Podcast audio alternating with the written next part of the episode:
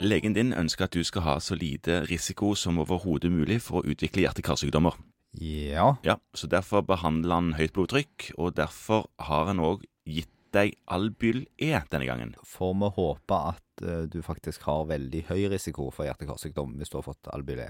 Sett at du har angina, da, Ja, da har du det. og i eh, tillegg har litt flimmer. Da har du i hvert fall det. Så Uansett så vil jeg at du skal fortelle meg hva Albyl er. Albyl E, acetylsalicylsyre. Altså Acetylsalicylsyre. Ja. eh, I gode gamle dager kjent som aspirin og globoid. Globoid, ja. Globoid. Ja, ja. Mhm. Det er en det som på vanskelig heter en prostaglandinsyntesehemmer, men den, den hemmer noen sånn inflammasjonsmediatorer. ja.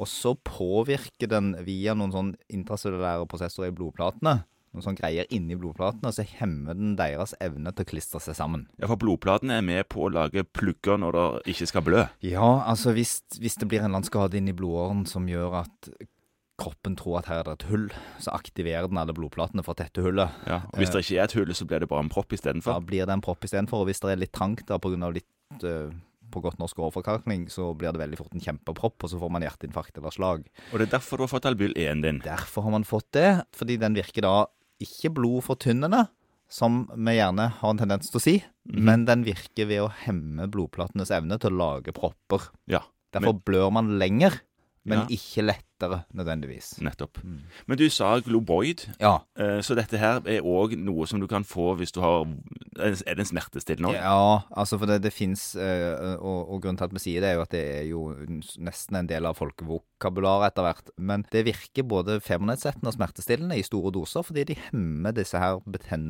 betennelsessignalstoffene. Ja. i forbindelse med f.eks. vanlig febersykdom. Men nå har du de i litt mindre doser og skal ta det hver eneste dag. Ja. Og Er det farlig, da? ja, du kan jo få svære blødninger, da, fordi at eh, det virker jo Påvirker jo evnen til å blø.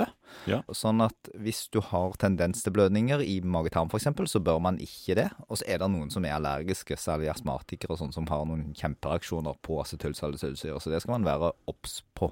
Men ellers er det relativt trygt. Ja. Ok.